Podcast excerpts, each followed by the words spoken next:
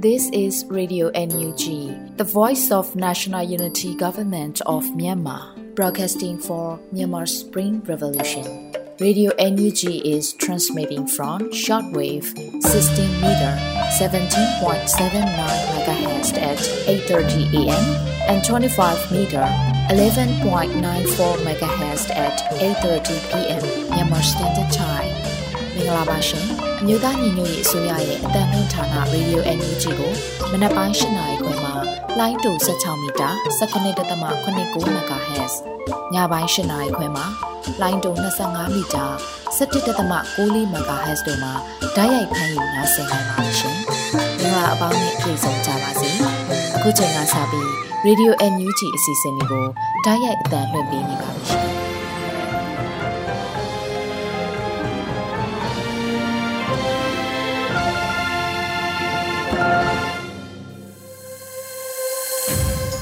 မြန်မာနိုင်ငံသူနိုင်ငံသားအပေါင်းတဘာဝပြီးစစ်အာဏာရှင်ဘေးရွာနေကင်းဝေးပြီးကိုစိတ်နှပါကြမ်းမလုံးချုံပေးကင်းကြပါစေလို့ရေဒီယို UNG ဖွဲ့သားများကဆုတောင်းမေတ္တာပို့သလိုက်ရပါတယ်ရှင်။အခုချိန်ကစပြီးကာကွယ်ရေးဝန်ကြီးဌာနမှထုတ်ပြန်တဲ့စစ်ရေးတရင်အချင်းချုပ်ကိုຫນွေဦးမှုကဖတ်ကြားပေးပါမယ်ရှင်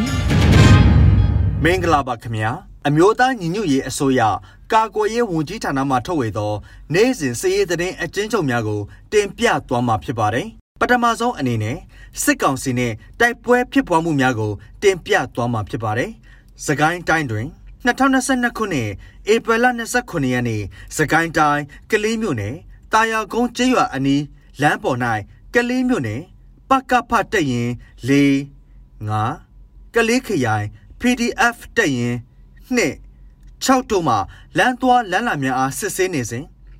စစ်ကောင်စီတပ်သား12ဦးမှခြုံကိုတိုက်ခတ်ခဲ့ပြီးလက်နက်ကြီးများဖြင့်ပစ်ခတ်ခဲ့သည်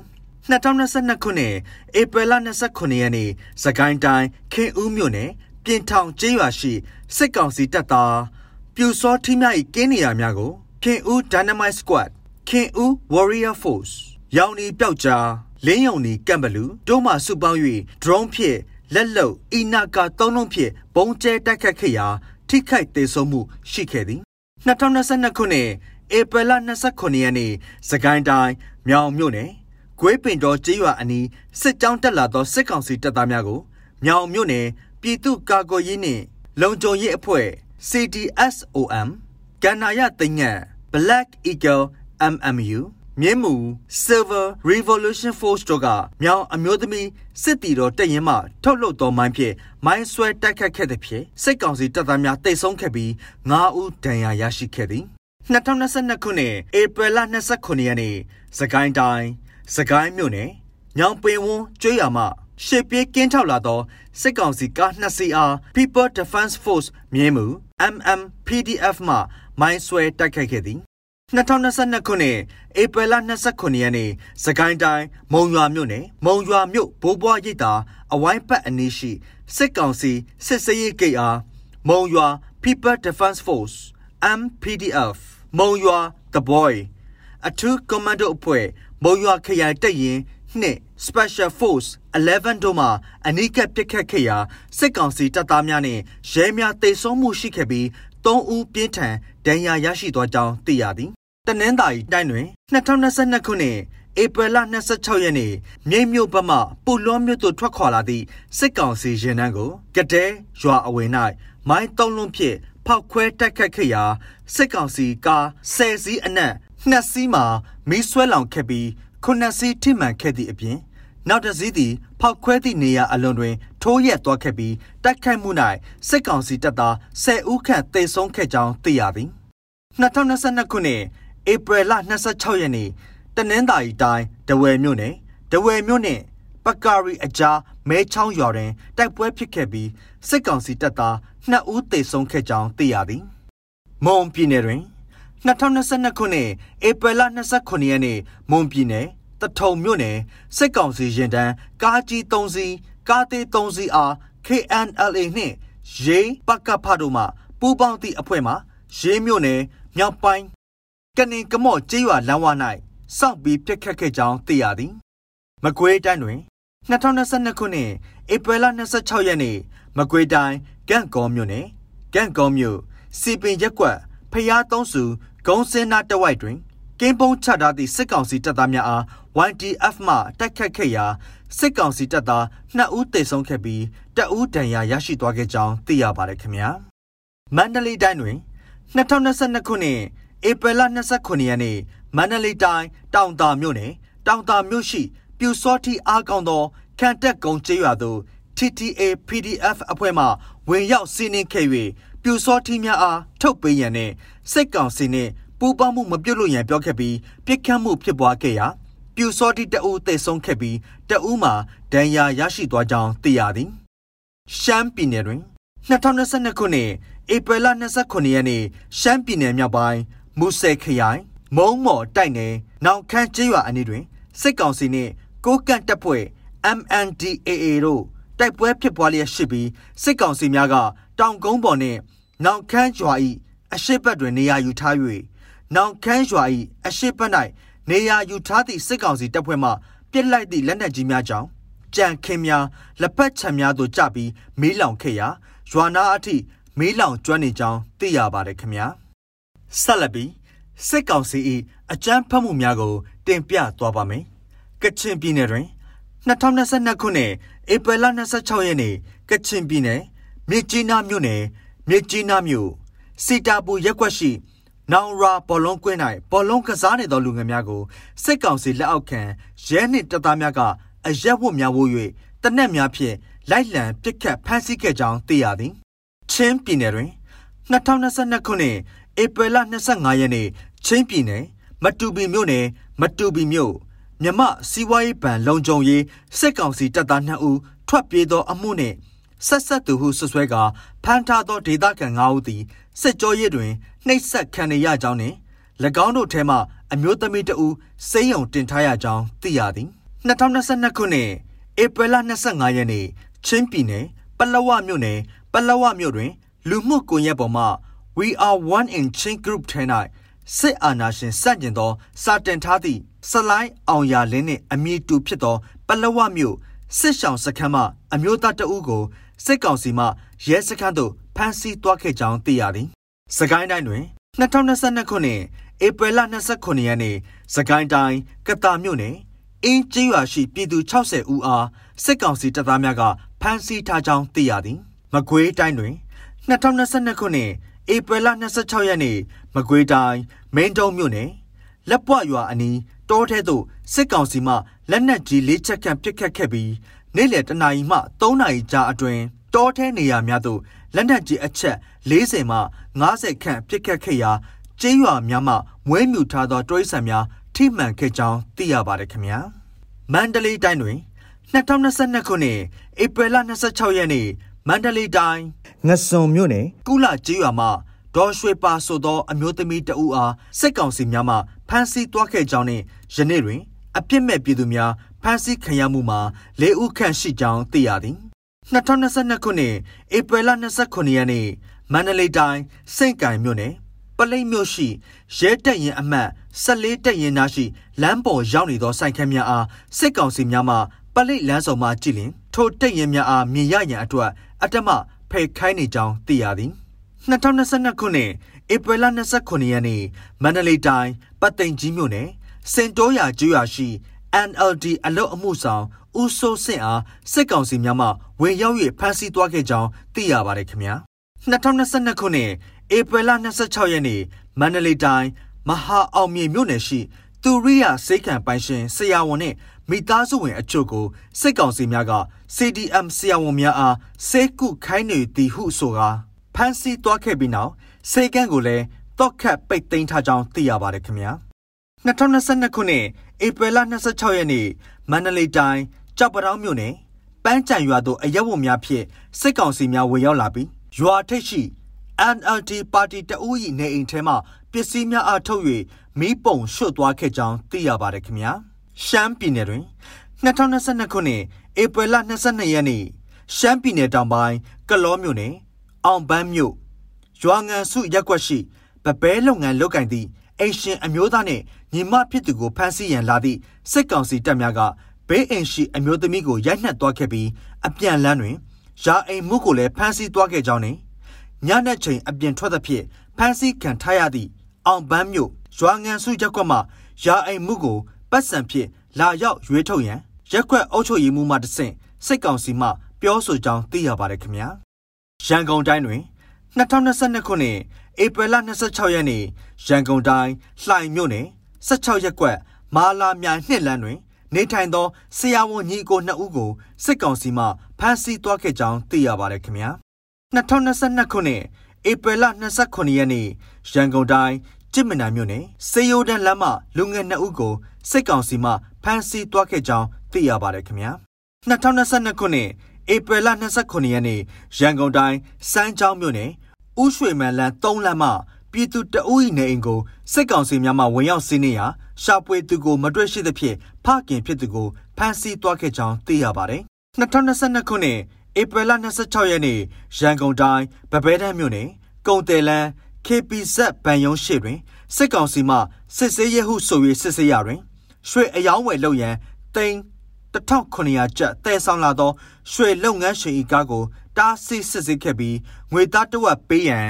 တောင်းယူခဲ့ရာကုံတယ်ဖြစ်ကြောင်းတက်တည်ပြခဲ့ရပြီးငွေကျပ်၄သိန်း၈တောင်ပေးခဲ့ရကြောင်းသိရပါတယ်ခင်ဗျာ2022ခုနှစ်ဧပြီလ29ရက်နေ့ရန်ကုန်တိုင်းကြစ်မနံမြို့နယ်အလက်ချောင်ရက်ွက်ရှိနေအိမ်အားစစ်ကောင်စီမှဝင်ရောက်ဖမ်းဆီးရာ ပြည်သူ6ဦးဖမ်းဆီးခံခဲ့ရပြီး2ဦးပြစ်ခတ်ဖမ်းဆီးခံခဲ့ရကြောင်းအသက်အန္တရာယ်စိုးရင်ရသည်ဟုသိရပါတယ်ခင်ဗျာအေယာဝတီတိုင်းတွင်2022ခုနှစ်ဧပြီလ29ရက်နေ့အေယာဝတီတိုင်းဖျာပုံမြို့နယ်၌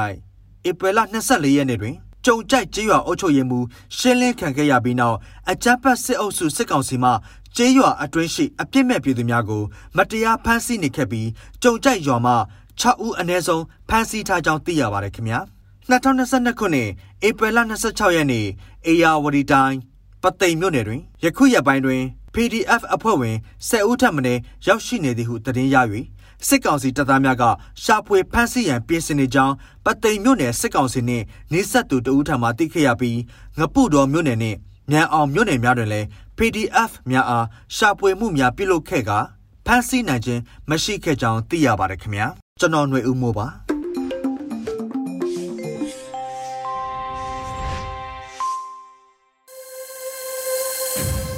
အခုဆက်လက်ပြီး Radio UNG ရဲ့နောက်ဆုံးရသတင်းများကိုຫນွေဦးမောင်ကဖတ်ကြားတင်ဆက်ပေးမှာဖြစ်ပါတယ်ရှင်။မင်္ဂလာပါခင်ဗျာ။ယခုချိန်ကစပြီး Radio UNG မနက်ခင်းသတင်းများကိုဖတ်ကြားတင်ပြပေးပါတော့မယ်။ယခုတင်ပြပေးမယ့်သတင်းတွေကတော့ Radio UNG သတင်းတာဝန်ခံတွေနဲ့ခိုင်လုံသောမိဖက်သတင်းရင်းမြစ်တွေမှအခြေခံထားတာဖြစ်ပါတယ်။ကျွန်တော်ကတော့ຫນွေဦးမောင်ပါ။ပထမဆုံးသတင်းအနေနဲ့သွေးခွဲစေမဲ့လောက်ရများကို အထူးသတိထားဖို့ယာယီသမရဒူဝါလရှိလာကပြောကြားခဲ့ပါတယ်။အမျိုးသားညီညွတ်ရေးအစိုးရ52ကြိမ်မြောက်အစိုးရအဖွဲ့အစည်းအဝေးကျင်းပရာမှာယာယီသမရဒူဝါလရှိလာကထည့်သွင်းပြောကြားခဲ့ခြင်းဖြစ်ပါတယ်။ ຫນွေဦးတော်လန်ရေးရဲ့အဓိကမန်တိုင်းတွေဖြစ်တဲ့လူငယ်ချန်စီတွေတိုင်းရင်းသားလက်နက်ကိုင်မဟာမိတ်တွေတပိတ်ကော်မတီတွေအရက်ဘတ်အဖွဲ့အစည်းတွေနဲ့နိုင်ငံရေးပါတီတွေအစရှိတဲ့အင်အားစုတွေလက်တွဲမကွဲပဲဗန်းနိုင်ရောက်တဲ့အထိကြက်ကြက်ခိုင်ရင်ဆိုင်သွားဖို့လိုပါတယ်။မိမိတို့အကြားသွေးခွဲစေမိလုံရများကိုအထူးသတိထားကဒေါ်လာရေးအောင်မြင်ဖို့အတွက်လက်တွဲညီညီအထူးရှေ့ဆက်ကြဖို့လိုအပ်ပါတယ်လို့ယာယီသမ္မတကဆိုပါတယ်။လက်ရှိမှာစစ်ကောင်စီဟာ အမျိုးသားညီညွတ်ရေးအစိုးရနဲ့အစိုးရထောက်ခံတဲ့ပြည်သူလူထုကြားသွေးကွဲစေမဲ့မဟုတ်မမှန်သတင်းများကိုထုတ်လွှင့်ဖြတ်ချိနေလျက်ရှိပါတယ်ခင်ဗျာ။ဆက်လက်ပြီးမြန်မာနိုင်ငံရှိကလေးငယ်9သိန်းနီးပါးဟာပုံမှန်ကာကွယ်ဆေးထိုးနှံမှုများမရရှိခဲ့တဲ့အတွက်ကလေးငယ်များမှာကာကွယ်ဆေးနဲ့ကာကွယ်နိုင်တဲ့ယောဂများဖြစ်ပွားနိုင်တဲ့အန္တရာယ်များကြုံတွေ့နေရတယ်လို့ UNICEF မြန်မာကထုတ်ပြန်ထားပါတယ်။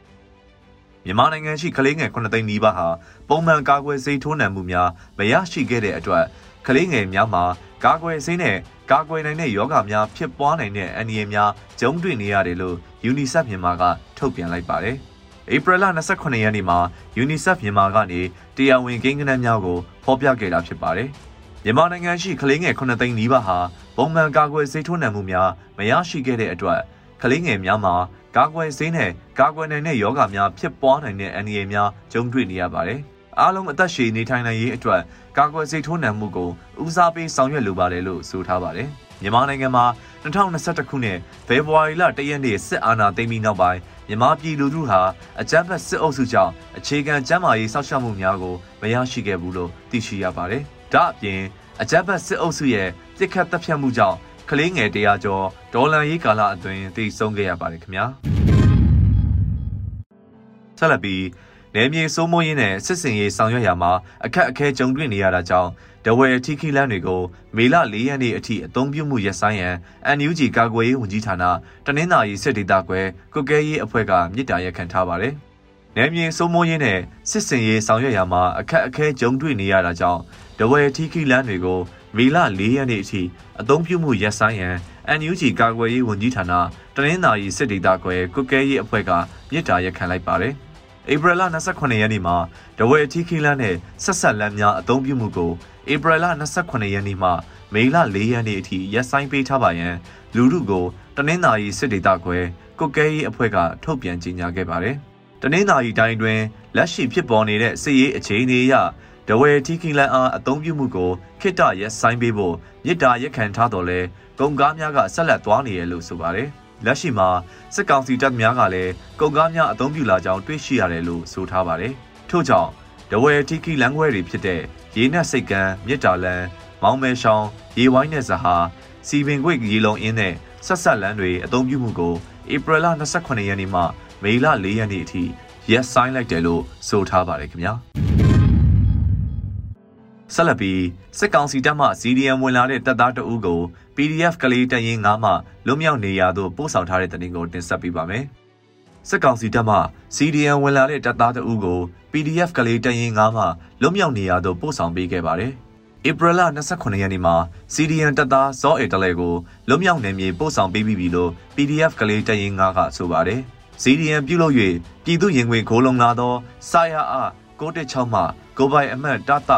95561စောအေတလဲအားကျွန်တော်တို့မှလွတ်မြောက်ရာနေရာသို့လိုအပ်သည်များကိုဖြည့်ဆည်းထောက်ပံ့ပို့ဆောင်ပေးပြီးဖြစ်ပါတယ်လို့ဆိုပါတယ်။လက်ရှိမှာ CDN ဝင်လာတဲ့တပ်နဲ့ရဲအင်အား1000ခန့်ရှိပြီဖြစ်ပါတယ်။လက်ရှိစစ်ကောင်စီတပ်မှ CDN ဝင်လာတဲ့အထက်မှာဒုတိယဗိုလ်မှူးကြီး3ဦးအထိရှိလာခဲ့ပါတယ်ခင်ဗျာ။ဆက်လက်ပြီး မန္တလေးသမောချင်းမှဆက်ဆရာနဲ့စလင်များကိုစစ်ကောင်စီတပ်ကရိတ်ခါပို့ရေးရင်များတွင် ခေါ်ယူအုံပြု၍ထွက်ပြေးနေကြရတဲ့တရင်ကိုတင်ဆက်ပေးပါမယ်။မန္တလေးသမောချင်းမှဆက်ဆရာနဲ့စလင်များကိုစစ်ကောင်စီတပ်ကရိတ်ခါပို့ရေးရင်များတွင် ခေါ်ယူအုံပြု၍ထွက်ပြေးနေကြရတယ်လို့သတင်းရရှိပါတယ်။ဧပြီလ28ရက်နေ့မှာမိုးကြိုးသတင်းဌာနကို CDN ဝန်ထမ်းများကအတီးပြုဆက်သွယ်ပြောကြားခဲ့ပါတယ်။မန္တလေးသမောချင်းမှဆက်ဆရာနဲ့စလင်ပါတယ်။လုံသားပါတယ်။စစ်ကောင်စီတပ်က ရိတ်ခါဖို့ရင်းရင်တွေမှာမောင်းပေးနေရတယ်လှုပ်ပေးနေရတယ်အရင်ကတအုပ်နှုပ်ကနေအခုတော်တော်များများခေါ်သုံးလို့ထွက်ပြေးကုန်ကြတယ်မပြေးနိုင်တဲ့လူတွေကအရက်အလွန်ကျွံတောက်လို့ချို့ယူကြောင်ပြီးတေတာတွေလည်းရှိတယ်လို့စီရီယန်ဝန်ထမ်းတအုပ်ကဆိုပါတယ်ပြည်ရင်းရေချောင်းပုတ်ဆောင်ရေးရင်းရင်များဟာရခင်ကလေးကနိုင်ငံတော်ပိုင်ဖြစ်တော်လဲအကြမ်းဖက်စစ်အုပ်စုမှရင်းရင်များကိုလိုတလိုဆွဲသုံးခြင်းရင်းရင်အုံပြုကအကျွေးများမပေးဘဲထားခြင်းတို့လှုပ်ဆောင်ခဲ့ပါတယ်ဆလင်တွေရင်းရင်လှုပ်သားတွေမလိုက်ချင်တာက စစ်တပ်ကသွားတဲ့ရေချောင်းလမ်းကအပြစ်ခံရတာများတယ်။ဒေါ်လာရေးသမားတွေပြစ်ချခတ်ကြတော့ဂျားထဲမှာတေမာကြောက်ကြတာပေါ့လို့စီနီယံဝန်ထမ်းများကဆိုပါတယ်ခင်ဗျာ။ဆက်လက်ပြီးရခိုင်တပ်တော် AA က CDF main တပ်ကိုစစ်ပညာသင်တန်းဘေးုံသားမက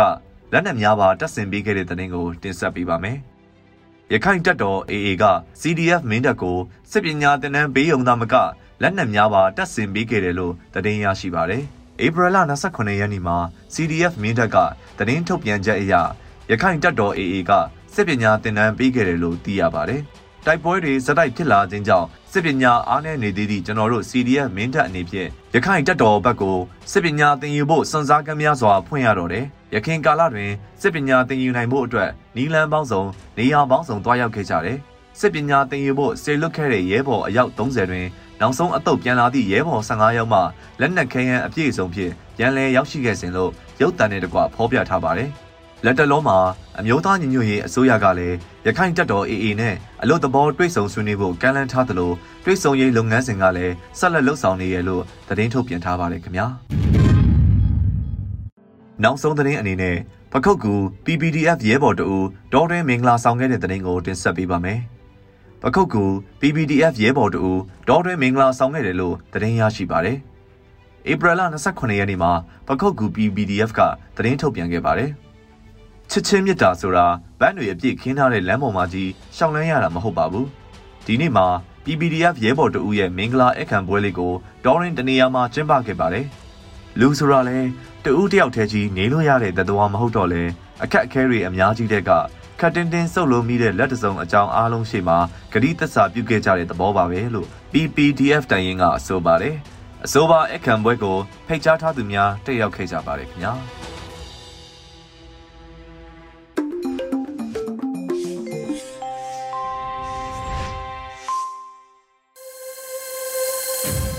ယခုဆက်လက်ပြီးပြည်သူခုခံဆက်သတင်းများကိုကျော်ຫນွေဦးကဖတ်ကြားတင်ဆက်ပေးပါမယ်ရှင်။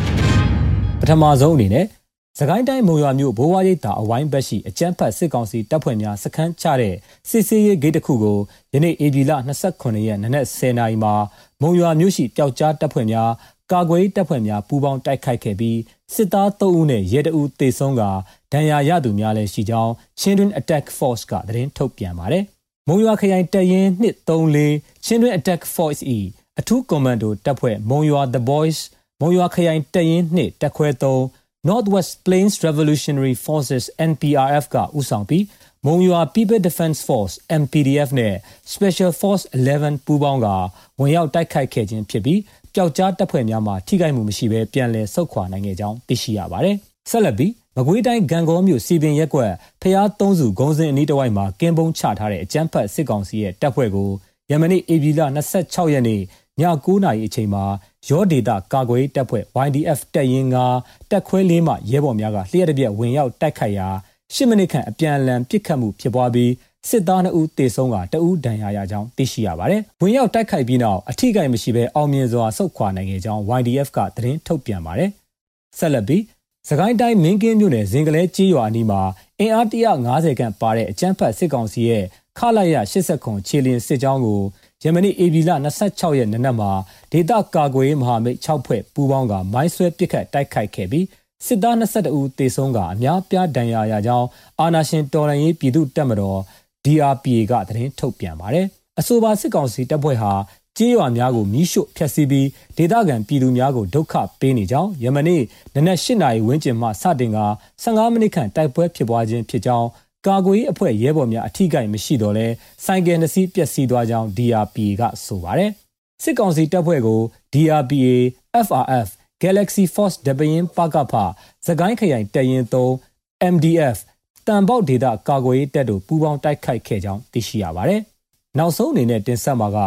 ရန်ကုန်တိုင်းဒဂုံစိတ်ကမ်းမြို့နယ်မှာစစ်ကောင်စီခန့်အုပ်ချုပ်ရေးမှုအိမ်ဘုံပစ်ခံရပြီး လာရောက်စစ်ဆေးလုံခြုံရေးယူပေးတဲ့စစ်တပ်ကိုဘုံလေးလုံးခွဲတိုက်ခိုက်ရာထိခိုက်မှုများနိုင်ကြောင်းတော်လှန်ရေးရဲဘော်များထံမှသိရှိရပါတယ်။ AB 26ရက်ည9:15မိနစ်ခန့်အချိန်ဒဂုံစိတ်ကမ်းမြို့နယ်အမှတ်88ရပ်ကွက်မှစစ်ကောင်စီခန့်ရပ်ကွက်ဥက္ကဋ္ဌအိမ်ဘုံဖြင့်တိုက်ခိုက်မှုဖြစ်ပွားခဲ့ကြောင်းရင်းနောက်လာရောက်စစ်ဆေးလုံခြုံရေးယူပေးတဲ့စစ်တပ်ကိုဘုံလေးလုံးခွဲပြီးထပ်မံတိုက်ခိုက်ရာထိခိုက်မှုများနိုင်ကြောင်းသိရှိရတာပါတိုက်ခိုက်မှုလှုပ်ဆောင်ခဲ့သောတော်လှန်ရေးရဲဘော်ကမူ လာရောက်စစ်ဆေးလုံခြုံရေးယူတဲ့စစ်တပ်ကိုဘုံလေးလုံးခွဲတိုက်ခိုက်ရာထိခိုက်မှုများနိုင်တယ်လို့ဆိုပါတယ်။ AB 26ညပိုင်းမှာရွှေပြည်သာမြောက်တကုံဒဂုံစိတ်ကမ်းများမှာစစ်ကောင်စီတပ်ကိုဘုံခွဲတိုက်ခိုက်မှုများနဲ့ပြစ်ခတ်တိုက်ခိုက်မှုများလှုပ်ဆောင်ခဲ့ကြောင်းသိရှိရပါတယ်ခင်ဗျာ။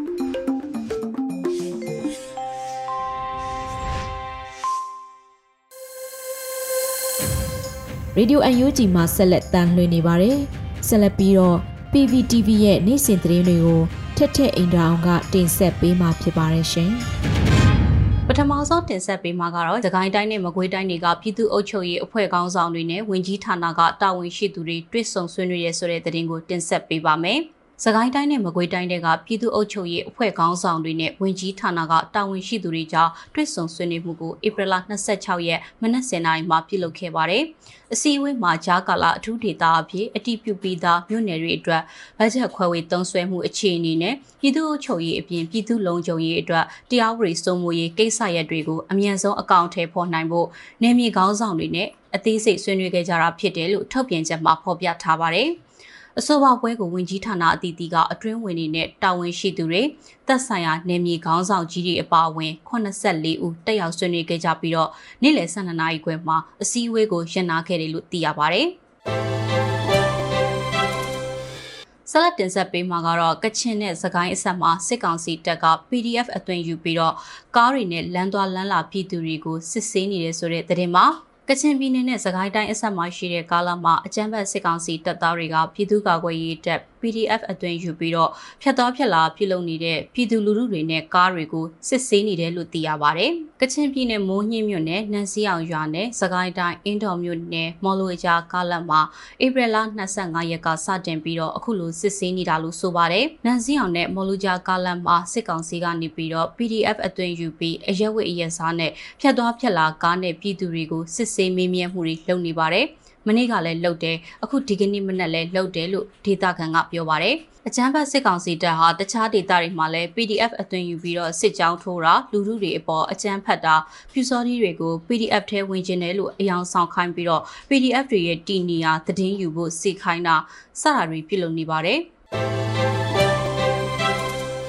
အခုနောက်ဆုံးအနေနဲ့မြန်မာနိုင်ငံတဝန်ကလူမျိုးပေါင်းစုံဘာသာပေါင်းစုံပါဝင်တဲ့ဆင်အနာရှင်အမြင့်ပြည့်ချေမှုရေးလူထုဆန္ဒပြပွဲသတင်းတွေကိုစုစည်းတင်ဆက်ပေးပါမယ်။ ကချင်ပြည်နယ်ဖားကတ်မြို့မှာဒေသခံပြည်သူတွေကအကြမ်းဖက်စစ်တပ်ကြာရှုံးရေးဆန္ဒပြတပိတ်နဲ့ KIA PDF NUG ထောက်ခံပွဲကိုဒီကနေ့မနက်မှာပြုလုပ်ခဲ့ပါတယ်။ဆန္ဒပြပြည်သူတွေက KIA နဲ့ PDF တိုက်ပွဲတိုင်းမှာနိုင်ပါစေ NUG အစိုးရဒုအစိုးရຫນွေဦးတော်လှန်ရေးအရေးတော်ပုံအောင်ကိုအောင်ရမယ်ငွေတိုင်းစာချုပ်ဝယ်ကြပါဆိုတဲ့ကြွေးကြော်သံတွေနဲ့ချီတက်လှည့်လည်ခဲ့တာပါ။ လောင်းလုံးမြို့နယ်မှာတော်လှန်လူငယ်တွေကဆီယနာရှင်စန့်ကြီးဆန္ဒပြတပိတ်ကိုဒီကနေ့မနက်မှာပြုလုပ်ခဲ့ကြပါတယ်။ဆန္ဒပြပွဲကိုကျေးရွာအသီးသီးကပြည်သူတွေပူးပေါင်းပါဝင်ခဲ့ကြပြီးတော့ကျေးရွာ၃ရွာကိုစိုင်းကယ်တွေနဲ့လှည့်ပတ်ပြီးကျေးရွာတပိတ်တွေပြန်လည်နိုးထလာရေးအတွက်နှိုးဆော်မှုတွေပြုလုပ်ခဲ့တာလည်းဖြစ်ပါတယ်။ စကိုင်းတိုင်းရင်းမပင်ခရိုင်တွေကရင်းမပင်အရှိချမ်းနဲ့စလင်းကြီးမြောင်ချမ်းတို့ပူးပေါင်းထားတဲ့ရွာပေါင်းစုံတပိတ်စစ်ကြောင်းကလည်းဒီကနေ့မနက်မှာဆက်အနာရှင်စန့်ကြီး413ရက်မြောက်ဆန္ဒပြပွဲကိုပြုလုပ်ခဲ့ပါတယ်။ပူရှိန်ပြင်းထန်ခြင်းပြည်သူများသတိပြုလိုက်နာဆောင်ရွက်ရန်အသိပေးပန်ကြားခြင်း ရှိန်မြမာသည့်ကာလတွင်ခနာကိုအပူချိန်မြင့်တက်ခြင်းခေါင်းမူကောင်းကိုက်ခြင်းပင်မနှွမ်းတဲ့ခြင်းတို့ကိုခံစားရလေရှိရာပူပြင်းသည့်ရာသီနှင့်အယောညီထွေနေထိုင်နိုင်ရန်လိုအပ်ပါသည်ပြည်သူများအနေဖြင့်လည်းယခုကဲ့သို့အပူရှိန်ပြင်းထန်ခြင်းတွင်ဖော်ပြပါချက်များကိုသတိပြုလိုက်နာဆောင်ရွက်ရန်အတိပေးပန်ကြားအပ်ပါသည်အရေးရ၍အေးမြသောနေရာများတွင်နေပါအဆောက်အဦများ၌လေဝင်လေထွက်ကောင်းမွန်စေရေးဆောင်ရွက်ပါရေများများတောက်ပါ နေဘူးထဲမှပြန်လာပြီးချက်ချင်းရေချိုးခြင်းမှရှောင်ခြင်းပါအယောင်ဖြော့သည့်ပွားပွားချောင်းချောင်းချီတယ်များဝတ်ဆင်ပါအပူရှိန်ပြင်းထန်သည့်အချိန်များတွင်ကလေးငယ်များတက်ကြီးရွယ်အိုများကို မော်တော်ကားအတွင် အလုံးပိတ်ထားသည့်အခန်းများအတွင်ဒူးရဲထားခဲ့ခြင်းမှသတိပြုရှောင်ရှားပါနေ့လည်နေခင်းအချိန်များ၌ကလေးငယ်များကိုအဆောက်အဦများ၏ပြင်ပနေအောင်ကြီးနှင့်တိုက်ရိုက်ထိတွေ့သောနေရာများတွင် လှုပ်ရှားကစားခြင်းမျိုးမပြုပါစေနှင့်ပူပြင်းသောနေအောင်အောက်မှအလွန်အေးသောအခန်းနှင့်ကားအတွင်သို့ချက်ချင်းဝင်ရောက်ခြင်းအလွန်အေးသောအခန်းနှင့်ကားအတွင်မှပူပြင်းသောနေအောင်တဲသို့ချက်ချင်းထွက်ခြင်းတို့ကိုရှောင်ရှားပါပူပြင်းခြောက်သွေ့မှုလွန်ခဲ့သောကြောင့်ဖြစ်ပေါ်တတ်သည့်မိဘအန္တရာယ်ကိုသတိပြုပါမလိုအပ်ဘဲရေများလေလွင့်ပြုံးတီးမှုမရှိစေရေးအထူးသတိပြုဆောင်ရွက်ပါထိခိုက်လွယ်သည့်တက်ကြီးရွယ်အိုများ ကလေးသူငယ်များကို နေ့အချိန်အပူရှိန်ပြင်းထန်သည့်ကာလတွင်ပုံမထိခိုက်ခံစားရခြင်းနှင့်အသက်ဆုံးရှုံးခြင်းများမရှိစေရန်ကာကွယ်စောင့်ရှောက်ပါရန်လူသားချင်းစာနာထောက်ထားရေးနှင့်ဘေးအန္တရာယ်ဆိုင်ရာစီမံခန့်ခွဲဝန်ကြီးဌာနမှအသိပေးပန်ကြားအပ်ပါလေခင်ဗျာဒီကနေ့ကတော့ဒီညနဲ့ပဲ Radio NUG ရဲ့အစီအစဉ်လေးကိုခਿੱတရနာလိုက်ပါမယ်ရှင်။ မြမစံတော်ချိန်မနက်၈နာရီခွဲနဲ့ည၈နာရီခွဲအချိန်တွေမှာပြန်လည်ဆုံတွေ့ကြပါစို့။ Radio NUG ကိုမနက်ပိုင်း၈နာရီခွဲမှာလိုင်းတူ16မီတာ19.8 MHz ညပိုင်း၈နာရီခွဲမှာလိုင်းတူ25မီတာ17.6 MHz တို့မှာဓာတ်ရိုက်ဖမ်းလို့နိုင်စေနိုင်ပါပြီ။မြန်မာနိုင်ငံသူနိုင်ငံသားတွေကိုစိတ်နှပြကျန်းမာချမ်းသာလို့ဘေးကင်းလုံခြုံကြပါစေလို့ Radio NUG အဖွဲ့သူဖေသားတွေကဆုတောင်းမြတ်တာပို့လာနေပါတယ်ရှင်။ မြေသားမျိုးတွေအစိုးရရဲ့စက်တော်ရင်သတင်းအချက်အလက်တွေလုပ်ပြညာဝန်ကြီးဌာနကထုတ်လွှင့်နေတဲ့ Radio NUG ဖြစ်ပါတယ်။ San Francisco Bay Area အခြေစိုက်မြန်မာမိသားစုတွေနဲ့နိုင်ငံတကာကစေတနာရှင်တို့အားပေးနေတဲ့ Radio NUG ဖြစ်ပါတယ်။အရေးတော်ပုံအောင်ရမည်